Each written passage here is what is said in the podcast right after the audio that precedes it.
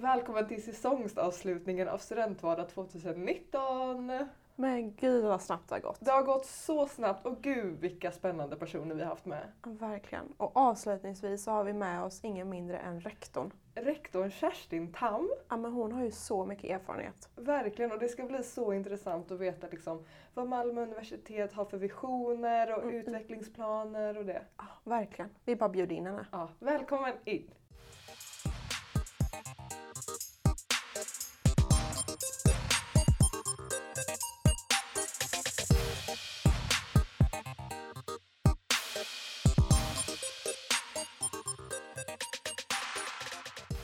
Hej och välkommen Kerstin Tam! Hej! Vad kul att du ville komma. Mm, jättetrevligt att bli inbjuden. Ja, kan inte du berätta lite om vem du är? Eh, ja, jag är 62 år. Eh, jag ehm, ja, har familj och tre vuxna döttrar eh, och är professor i arbetsterapi. Min forskning handlar om rehabilitering efter stroke. Men nu är jag ju framförallt då rektor. Jag ägnar ju väldigt mycket Mm. av min tid till mitt uppdrag som rektor på Malmö universitet. Mm. Ja, det var lite därför vi bjöd in dig här för att du är rektor och det är jätteintressant för oss ju. Men en rektor, vad är din viktigaste uppgift?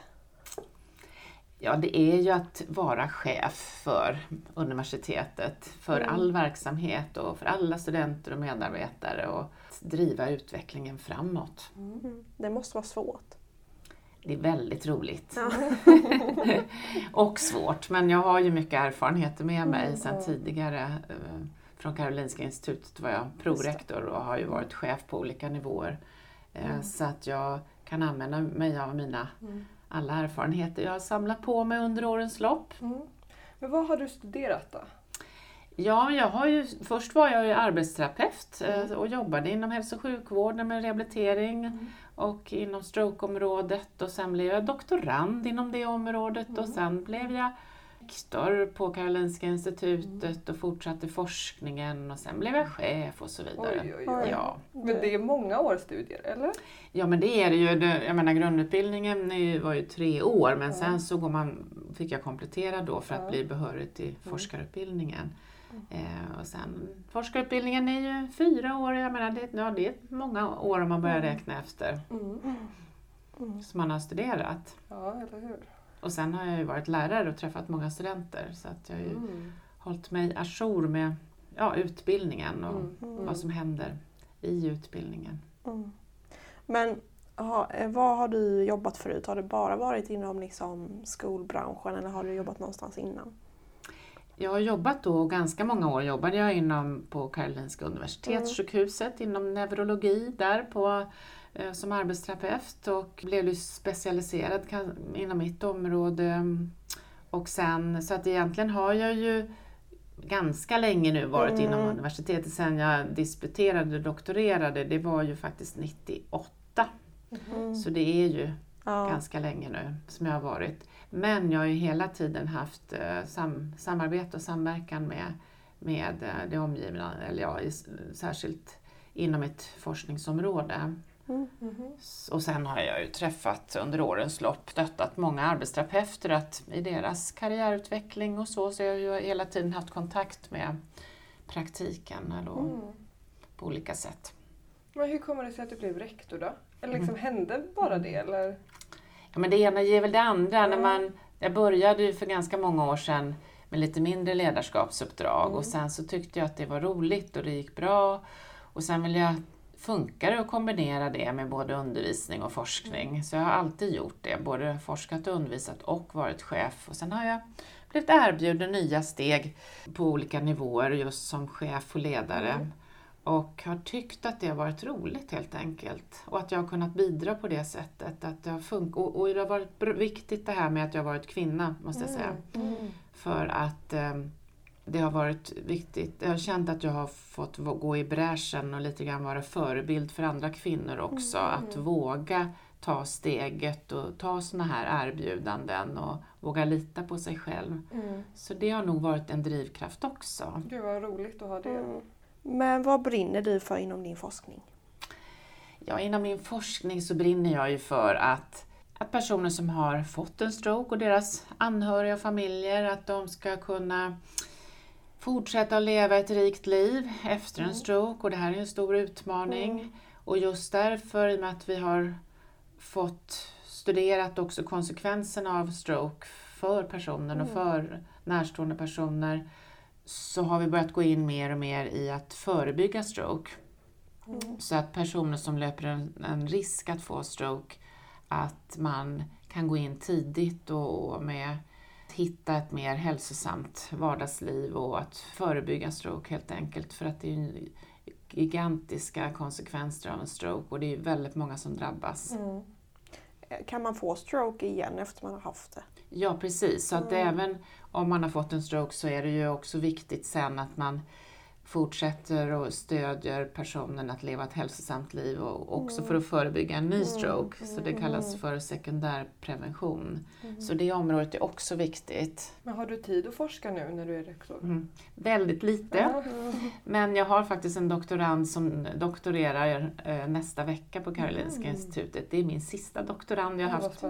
Men hon, hennes avhandling handlar om, om hur man kan använda ICT i rehabiliteringen efter stroke. Och, och, för det ju, funkar ju, alltså man kan ju verkligen utnyttja nu mobiltelefoner men också andra Ja, Ja. just det. devices Mm. i rehabiliteringen. Så det har hennes avhandling handlat om. Spännande. Så du Mm. stöttar mer andra nu då? Ja, det är väl så som jag gör. Jag blir också gå in ibland som expert och opponent och granskare och lite så. Men jag hinner ju inte aktivt forska nu själv. Så. Fattar. Men hur ser en vanlig dag ut för dig nu då, här på Malmö universitet? Möten, möten, möten, möten av olika slag kan man säga. Så hela dagen är full, full av olika möten. Men det är väldigt intressanta människor som jag träffar av olika slag. Både, ja idag ska jag äta lunch med, med, med en, en chef inom Malmö stad och, och så vidare. Så att det, det är en hel del externa eh, relationer som är viktigt för en Mm. rektor.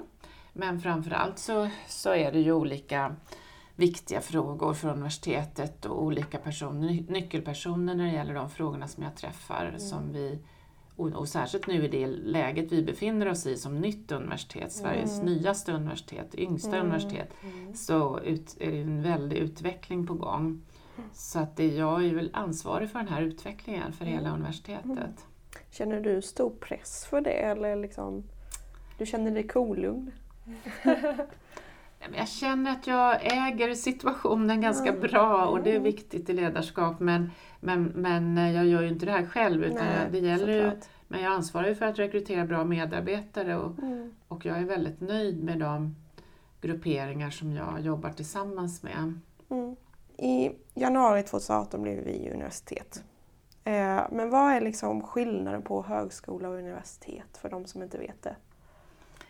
Men skillnaden är ju egentligen att vi har fått ett utökat uppdrag för forskningen och forskarutbildningen. Och på så sätt så blir det ju en bättre balans mellan forskning och utbildning och då får ju studenterna också ta del av den här forskningen och lärarnas eh, senaste forskningsrön och sådana saker så att det blir en bättre akademisk verksamhet. Mm. Om man får en bättre balans mellan forskning och utbildning är ju det är ju det som jag tycker är så roligt nu, att vi får en möjlighet. Mm. Ja, jag minns ju själv när man pluggade så var det ju när man hade en eh, eh, lärare som var forskare. Han, det var ju så intressant och de hade ju mer en- engagemang tyckte jag. Ja, man, man brinner ju ofta för sin forskning och man kan gå in på djupet och man vill förmedla det vidare och så. Så att lärarnas engagemang är ju viktigt. Det är, det är ju det som är det viktigaste enligt forskningen eh, för, för lärandet. Det är egentligen lärarnas engagemang. Så det är en bra, bra spe, eller synpunkt på att man blir mer engagerad om man också har, kan eh, använda sin forskning i undervisningen. Men vad är dina framtida visioner för Malmö universitet? Jag vill ju att vi ska ta vara, fortsatt ta vara på de unika möjligheter vi har här i Malmö, skulle jag vilja säga. Och Malmö är ju både lokalt men också globalt i och med att det är en internationell och mångkulturell stad. Så att jag hoppas ju att vi ska kunna bidra med unik kunskap som behövs i samhället och för, som kan verkligen bidra till ett mer hållbart och jämlikt samhälle. Eh, Men Och det, jag tycker att vi har unika möjligheter här i och med att vi, vi är ett nytt lärosäte och, och jobbar mer gränsöverskridande och också gränsöverskridande i relation till samhället. Mm. Så det är väl min vision att vi ska bli kända Mm. för, för att vi har utbildning och forskning som verkligen bidrar och även studenterna, liksom som ni här nu, kan bidra till samhällsförändring och, eh, och att ni får utveckla ert kritiska förhållningssätt till kunskap och det behövs ju idag i samhället. absolut. verkligen. Vi är ju så, ung, så pass unga fortfarande så att många vet inte riktigt vad vi kan här och vad vi gör. Eh, Så det är ju viktigt nu och därför är era, eh, de här poddarna är ju viktiga också för att vi kan visa på eh, vad vi gör på Malmö universitet. Mm. Absolut. Men vem skulle du rekommendera att börja plugga här på universitetet? Men jag tror man, nu, nu tror jag bara Mm, här, men jag tror att, att mång, en hel del studenter söker sig hit och även medarbetare för att, vi har, att man har ett, ett samhällsengagemang. Mm. Eh, Det är någonting som jag tror kännetecknar både de flesta studenter och medarbetare som är här. Och just så kanske man söker sig hit för att inte så traditionellt utan mer kreativt och att det också faktiskt staden Malmö Mm. och i den här regionen i Öresundsregionen är ju en spännande region. Så det tror jag att man också, man vill ju få ihop, både som student och medarbetare så vill man ju få ihop sitt liv lite grann under när man är här och då är ju det en bra kombination tänker jag Mm. mig också. Vad tror du att man ska tänka på när man väljer skola eller universitet? Ja men det är väl att man ska naturligtvis ha hög kvalitet i, i utbildningen när man söker som student. Det är ju viktigt. Men vad är då hög kvalitet? Det kan ju vara kvalitet på olika sätt. Men det är klart att eh, man ska vara, vara veta att det är bra lärare, bra undervisning. Men sen handlar det väl om att man ska känna sig hemma och tycka att det passar en själv som person. Och att för ett universitet ska ju verkligen vara ett växthus där man själv kan utvecklas och, och lära sig saker och som man har glädje av i sitt liv. Så, att, eh, så det, det, jag tror att det är viktigt hu- hur man, att man känner sig hemma och känner att det här ja, bidrar till min egen utveckling och att jag kan bidra i framtiden på olika sätt. Men vad ser du för framtida utmaningar för universitetet då? Ja, men de, alltså, för oss är de största utmaningarna ekonomin faktiskt. Eh, Att vi har ju väldigt många utbildningar inom samhällsvetenskap och humaniora till exempel och man får väldigt låga ersättningar. Så att studenterna får ju, nu är lite grann smärtgränsen nådd. Studenterna får alldeles för lite lärarledd Mm. eh, undervisning. Vilka Inom de här kan det vara?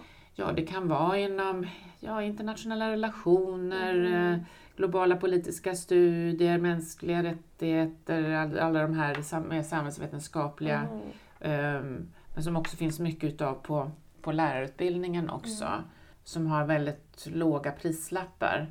Eh, så, så att man, det, och det påverkar ju hur mycket undervisning man får, så att säga.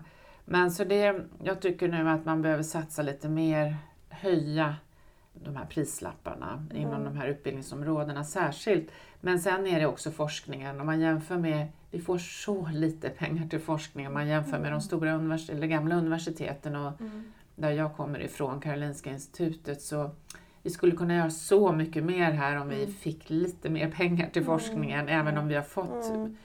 fick ju betydligt mer pengar förra året. Men är det för att det är ett sånt nytt universitet som det fortfarande är så lite? Alltså, Det är väl det att man går på de här gamla fördelningsprinciperna när det gäller de statliga medlen till forskningen. Så är det de stora gamla universiteten som får 90 procent av all, all, oj, alla forskningsmedel mycket, ja. och vi alla andra lärosäten får de- dela på 10. Ja. Oj. Oj då. Eh, så att, och då blir det svårt att få den här balansen jag Såklart. pratade om tidigare Mm. mellan forskning och utbildning. Och, och här skulle vi kunna göra fantastiska saker om vi hade bara lite mer Mm. utrymme. För vi har, ju sån, vi har ju obalans, vi har ju så många studenter som stor utbildning och så lite forskning fortfarande. Mm. Men vem beslutar om de här medlen då? Regeringen, Regeringen? ja.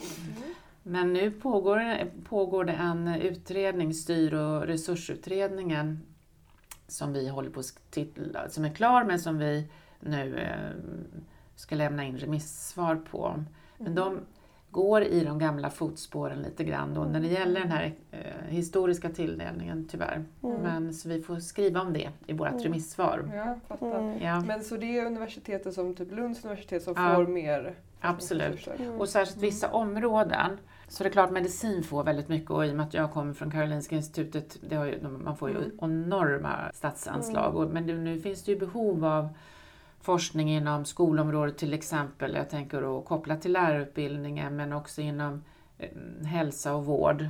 eh, Och där det är stora professionsutbildningar och där det är kvinnodominerade faktiskt ämnesområden som fak- blir ganska missgynnade i, i den här fördelningen av pengar. Mm. Mm. Fattar. Men ehm, vad har Malmö och Lunds universitet gemensamt? Finns det något?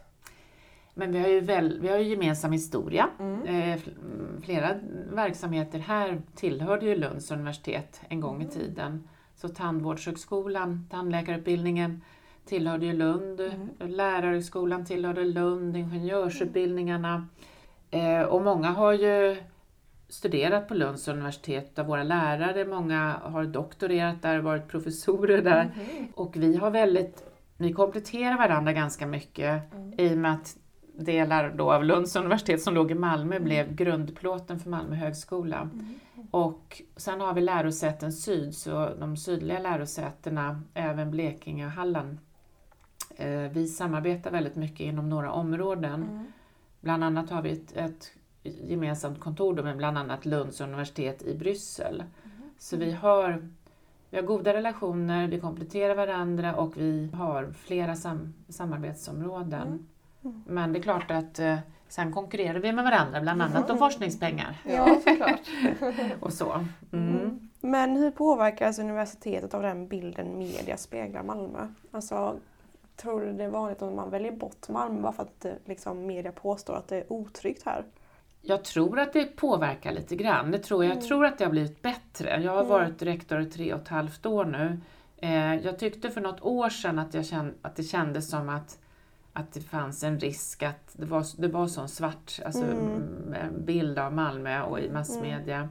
Eh, och tänkte jag att hade jag bott kvar i Stockholm och mina döttrar skulle läsa i Malmö så hade jag nog diskuterat det Mm. eh, faktiskt Mm. när man väl är, det är en missvisande bild. verkligen. Jag tycker det är otroligt lugnt här och bo Mm. här och leva här. Eh, så att det där är, det, tyvärr är det ju väldigt mycket fördomar. Mm. Men det är klart det händer saker här. Så att vi får ju vara, och det är ju därför universitetet har en sån viktig roll och nu har vi ju startat polisutbildning också. Det tycker jag Mm, känns ja. jättebra för oss att vi kan bidra med riktigt bra poliser. Absolut. Så. Vad kan man göra för att motarbeta denna bild som media speglar av Malmö?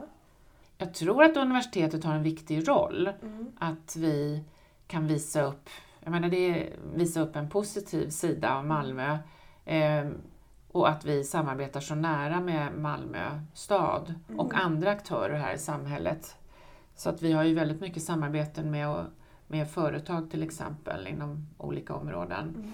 Så alla de här samverkan vi har och där vi lyfter fram frågor tillsammans på olika sätt tror jag är viktigt för att förstå vilken fantastisk stad Malmö är. Mm. Eh, Men vilka är de viktigaste frågorna för dig gällande universitetet då? Men just nu är det ju att det är viktigt för oss att, att omgivningen har förtroende för oss och att vår kvalitet i forskning och utbildning och att, de förstår, att man förstår eh, att vi har bra forskning till exempel, för det kanske inte man har känt till tidigare. Så att synliggöra den innovativa, viktiga forskningen vi gör är viktigt. I kombination med att verkligen säkerställa att vi håller en hög kvalitet är det att arbeta med våran profil, unika profil. Mm. Och det är ju det som sådana frågor ni arbetar med. Mm. Men, men ehm, för att vi har en unik profil, men det är ju inte alla som känner till den, så det handlar ju om att lyfta fram olika exempel på vad vi gör här Mm. och hur vi kan bidra till samhället. Både den här profileringen, men höga kvaliteten och förtroendet för oss Från, a- även inom vår egen sektor. Mm. För en del kan ju fortfarande säga att Malmö universitet, varför fick de universitetsstatus och sådär. Så att det är viktigt nu att vi visar att vi mm, har den nivån. Mm. Har ni startat, startat en forskarpodd ännu? Jag minns att det var lite snack om det innan. Jag vi har nog lite Mm. forskare, inte än gemensamt Nej, vad jag känner till. nej. Men det finns olika, till exempel Medea Mm, eh, det. och säkert andra också. Mm. För man jobbar ju mer i de här olika miljöerna med sådana saker och det tror jag är bra också. Men vad skulle du rekommendera att man skulle göra när man är i Malmö? Har du några så här Malmö-tips? Jag tycker ju det är fantastiskt med Ribban och kallbadhuset Mm. och det tycker jag är fantastiskt. Eh, Jag tycker själv om att gå och promenera i Slottsparken och sitta på Slottscaféet där och, och, och ehm, gå i Lilla Botaniska trädgården och så. Jag tycker det finns många sådana här smultronställen Mm. i Malmö. Mm. Men vad gör du när du inte Mm. arbetar? Har du några så här specifika intressen? Ja, men jag älskar att åka ut på landet eh, som ligger på Bjärehalvön eh, och på västra sidan av Skåne och där brukar jag vandra längs stränderna och koppla av men också har vi en fantastisk fin trädgård och det tycker jag är väldigt härligt att hålla på och påta i jorden och, och skörda och så vidare och odla eh, på helgerna men jag hinner ju inte med så mycket så att den blir ju inte helt Den är inte väldigt välskött våran trädgård men Mm. så småningom kanske. Ja, eller på semestern Mm. i sommar. Ja, i sommar. På sommaren så ägnar jag mig åt detta. Ja. Mm. Är, är du en sån som äter falafel? Ja. Ja, vilken är Mm. den bästa i Malmö? ja, men jag, jag har svårt att svara på det egentligen men jag ska säga, och det, det, är väl inte, det borde man väl inte svara, men, men jag tycker att den senaste nu är den falafeln i um, saluhallen. Oj! Ja, och det är lite, Lyxfalafel. det är lite lyxfalafel. Men sen så, jag menar, jag brukar äta falafel på andra ställen också, på Möllan. Och jag har en dotter som bor där, där äter vi falafel. Jag kan inte exakt säga vilken det är, men det finns ju flera där. Ja. Men sen så finns det ju en på i Karoli där som tidigare var, kallades för number one eller något sånt där. Just det. Ja, och den, den är jag fortfarande igen. god också. Ja. Ja, Men det är ju lite kännetecknen för Malmö det här. absolut, och det är ju verkligen gott och härligt. Ja. Det känns Mm. ganska nyttigt, jag vet Mm. Jag inte. tycker det känns så också. Ja. Men avslutningsvis så skulle vi vilja köra fem snabba med dig. ja. Så vi kör. Mm. Eh, kaffe eller te? Kaffe, Eh, artiklar eller böcker? böcker, Mm, traditionellt. mm. Stad eller landsbygd? landsbygd, Ja, fint. Stockholm eller Malmö? Malmö förstås. Mm. Bra, bra. Katt eller hund? Hund, vi har en hundvalp som är fyra månader. Oh. Ja. Vad är det för ras? Vad är det för ras? Det är en eh, dansk-svensk gårdshund. Oj. Passar ju bra här. Ja. Men tack så jättemycket för din medverkan. Mm. Stort tack, det var väldigt roligt. Tack alla lyssnare. Ha det så bra. Hej då!